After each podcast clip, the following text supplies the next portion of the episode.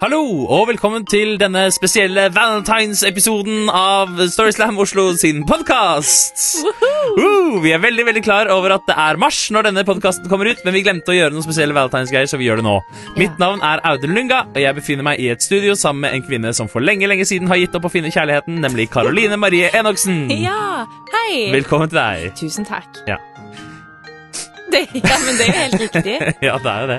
Sånn kan det gå. Yes. Men selv om jeg har gitt opp å finne kjærligheten, så har jo ikke alle andre gjort det. Heldigvis. Ja. Og første forteller i denne episoden her, det er Ivar eh, Hogganvik. Eh, og han minner oss om at det er viktig å ha et åpent sinn når man er på jakt etter kjærlighet.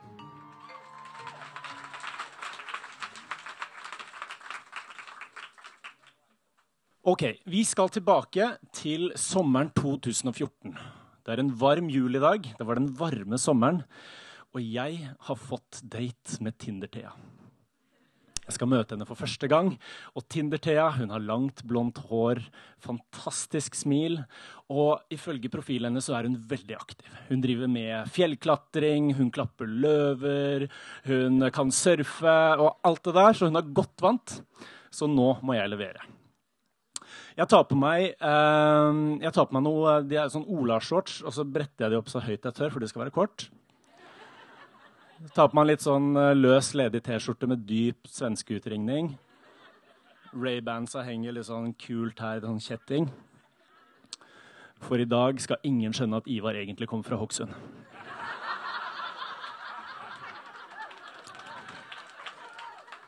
Ok, Jeg er på vei ned til Sofienbergparken, og under armen har jeg en kurv hvor jeg har pakket eh, Prosecco, et pledd, friske jordbær og 70 mørk sjokolade med pekanøtter og havsalt. Og så rigger jeg meg til og gjør meg klar. Så durer det i telefonen. Jobbseminar Kautokeino om 30 minutter. Ok. Så jeg har dobbeltbooka meg. Jeg skal på jobbseminar. Og det jeg gjør, er at jeg jobber i et reisebyrå, og jeg skal utvikle nye destinasjoner, finne på nye, kule ting å gjøre. Og nå kommer de fra Kautokeino for å fortelle om reinsdyrridning, lassokasting, badstue, isbading. Alt det kule du kan gjøre.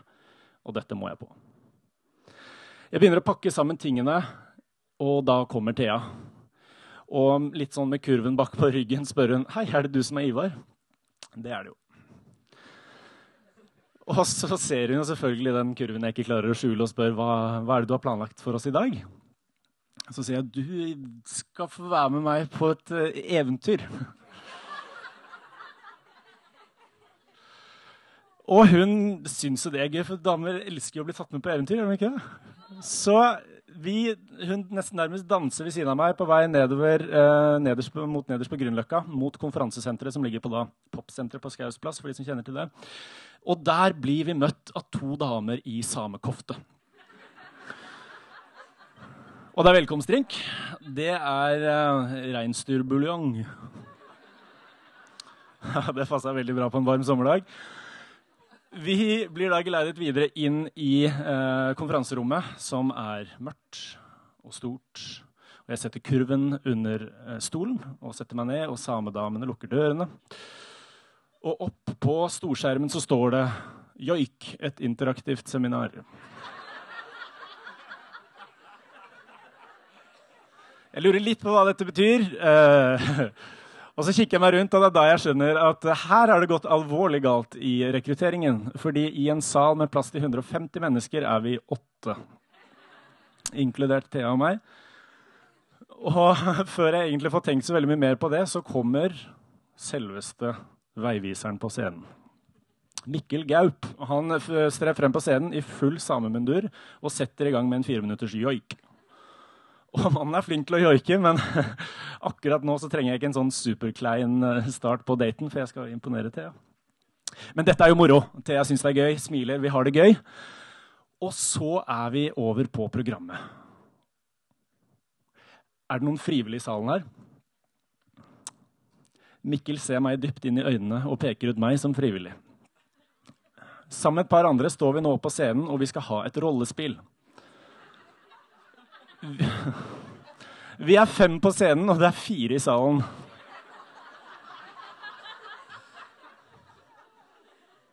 Og jeg er svett på ordentlig nå når jeg forteller det.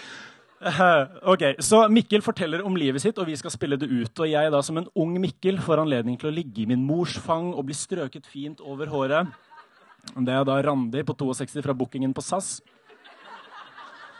Jeg har fått et oppgjør med min svigerfar, som eh, da heter Harald, og han kommer fra Innovasjon Norge. Og sist, men ikke minst, jeg får gå ned på kne og fri da til min utkårede og gi henne et kyss. Det er dattera til Harald, og hun er 14 år. Og nå er det ordentlig rart. Jeg går ned til applausen av fire personer og setter meg ved siden av Thea, som er noe mer brydd nå, men hun holder tappert motet oppe og gir meg et smil. Så skal vi varme opp, fordi nå skal vi snart lære å joike. Og for å varme opp så må vi være gode og varme i kroppen, så da skal vi gå sammen to og to. Og jeg går sammen med Thea og steller meg bak henne. Og så skal vi kna litt på skuldrene. Ja da, det skal vi. Og så skal vi kna litt på ryggen.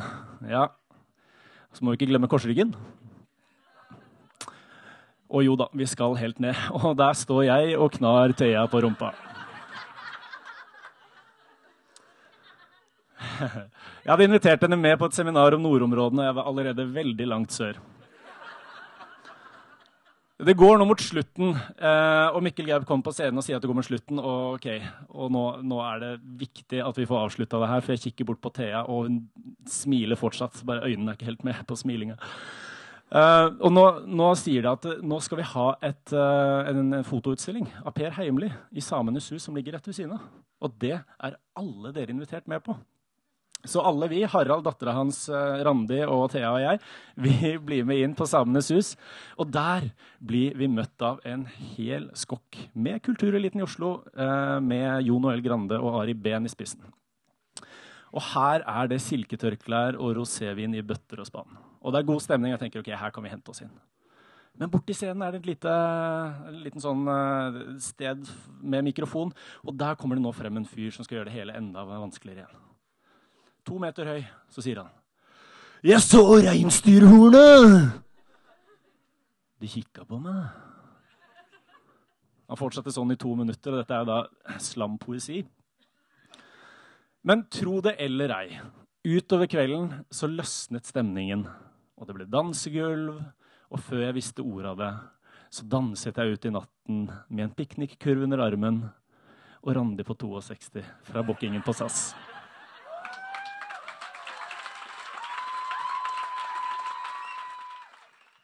Tusen takk til Ivar. Eh, og nå er det jo sånn, Audun, at det har jo eksistert en tid hvor det ikke var elektroniske hjelpemidler på datingfronten. Eh, helt riktig det. Yngre lyttere vil ikke være klar over dette, men eh, i gamle dager så måtte vi bruke analoge hjelpemidler i stedet. Ja. ja. Uh. Jeg vet ikke helt hva jeg mener med det, men uh, det høres jeg veldig Jeg følte at det var et forsøk på litt sånn dirty talk. Yes. Det var mitt forsøk på dirty talk, alle sammen. Nå har dere hørt det. Der er det. Analog hjelpemidler. Der er vi. Ok, Neste forteller i denne episoden, Gunn Ingrid Ulstein, hun forteller imidlertid om da hun tok swipinga si live på Blindern campus.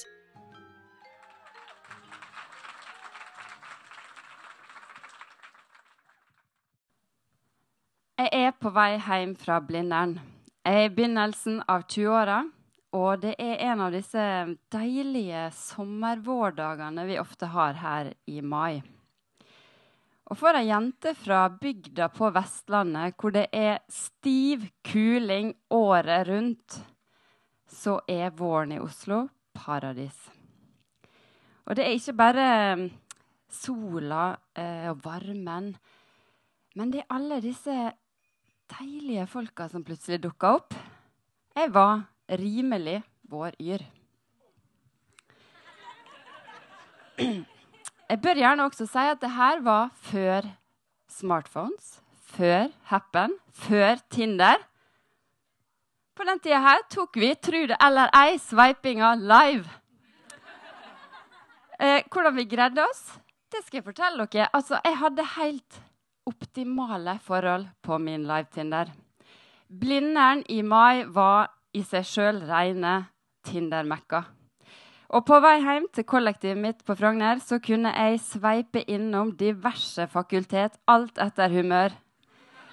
Filosofisk behandling, kalkulert to me, you name it.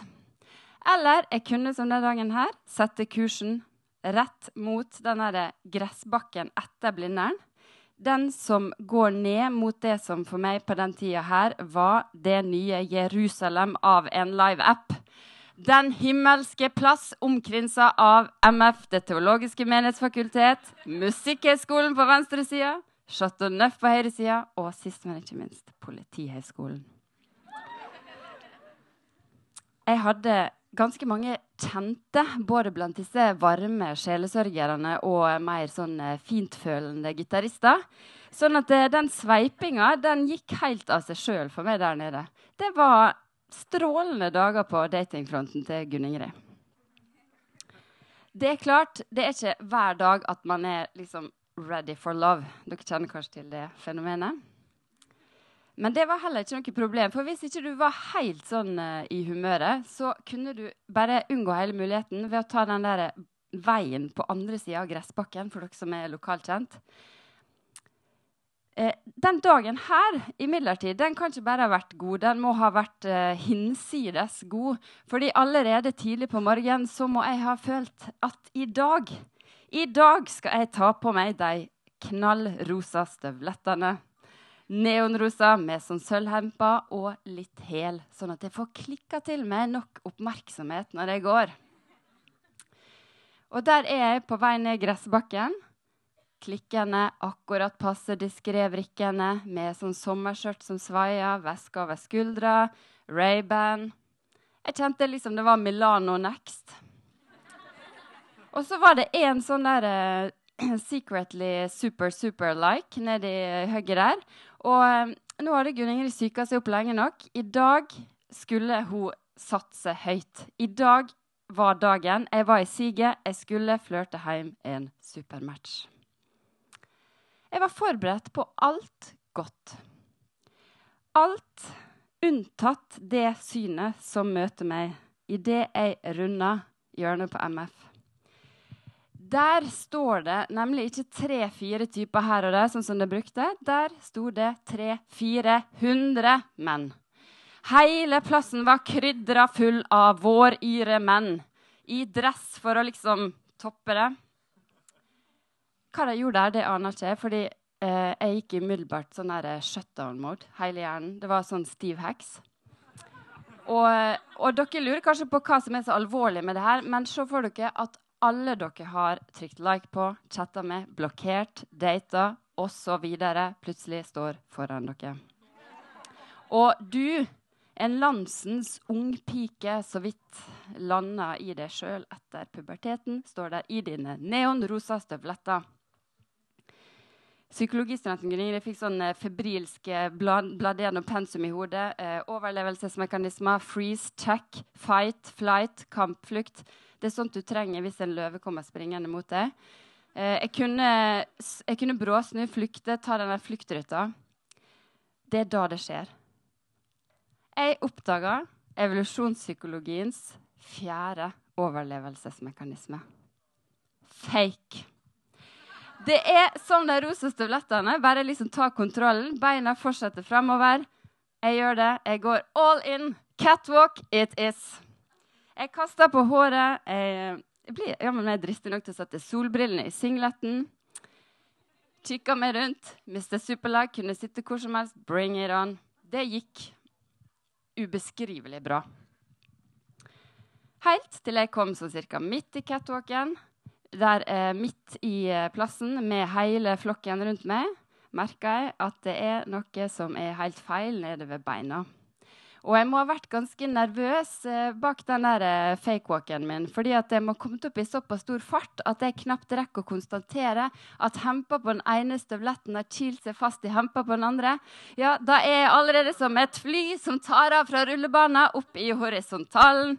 Og på vei ned fra horisontalt landskap der, så skjønner jeg at det er mer som er galt. For da har skjørtet mista sin gravitasjonskraft, sånn at det kommer over hodet som en parasoll. Og idet jeg liksom eh, blir slått fast mot bakken, så må jeg bare innse at jeg har tatt på meg helt feil undertøy. Og at jeg burde holdt så sykt godt fast i den der veska, ikke sluppet taket på den, sånn at alle tenkelige toalettartikler en kvinne kan komme til å måtte trenge i løpet av en måned, ligger strødd mellom beina på alle disse kjøkkenmennene. Det er sånn eh, Flight mode gone very wrong. Flukt, Gunn Ingrid, ikke fly. Eh, og eh, det, altså, hva gjør man der? Jeg vurderte å fake død, seriøst, vente på sykebilen. Men antagelig må jeg bare ha gitt opp alle disse overlevelsesmekanismene. fordi at det som faktisk inntreffer, det har jeg skjønt at Freud har oppdaga siden, da, det er eh, hvordan overleve det du har overlevd. Fortrenging. Jeg husker rett og slett ikke hvordan jeg kom meg opp eller hjem. Eh, men det må jeg ha greid sosialt død. Og antagelig trykt disse rosa støvlettene så langt som mulig inn i skapet. Og så går det ca. to uker. Jeg må ha kommet meg til igjen. Eh, sitter på en quiz nede i byen. Og vårvibbene så vidt begynte å spire igjen. Og det er da den eh, nye, grådig kjekke bergenseren på quizlaget vårt starta pausedrøsen med sin høylytte fun fact. Har dere hørt om hun der eh, damen som tryna utenfor MF, eller? Kjære publikum. Fake it if and only if you make it. Takk for meg.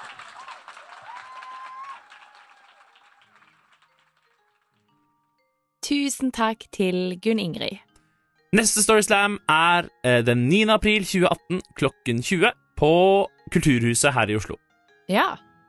Og hvis du som hører på tenker at åh, jeg har en fortelling som jeg kunne tenke meg å dele på scenen på Storyslam, så kan du det.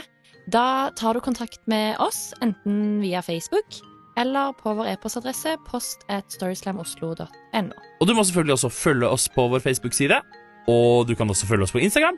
Og kanskje vi hvem vet, kanskje vi dukker opp på noen andre eh, sosiale medier i fremtiden. Noe nytt og hipt. Yes, Jo, jodel. Jodel. Jodel. Jeg vet, sikkert vet- jeg- ja, jeg vet hva jodel er. Ja.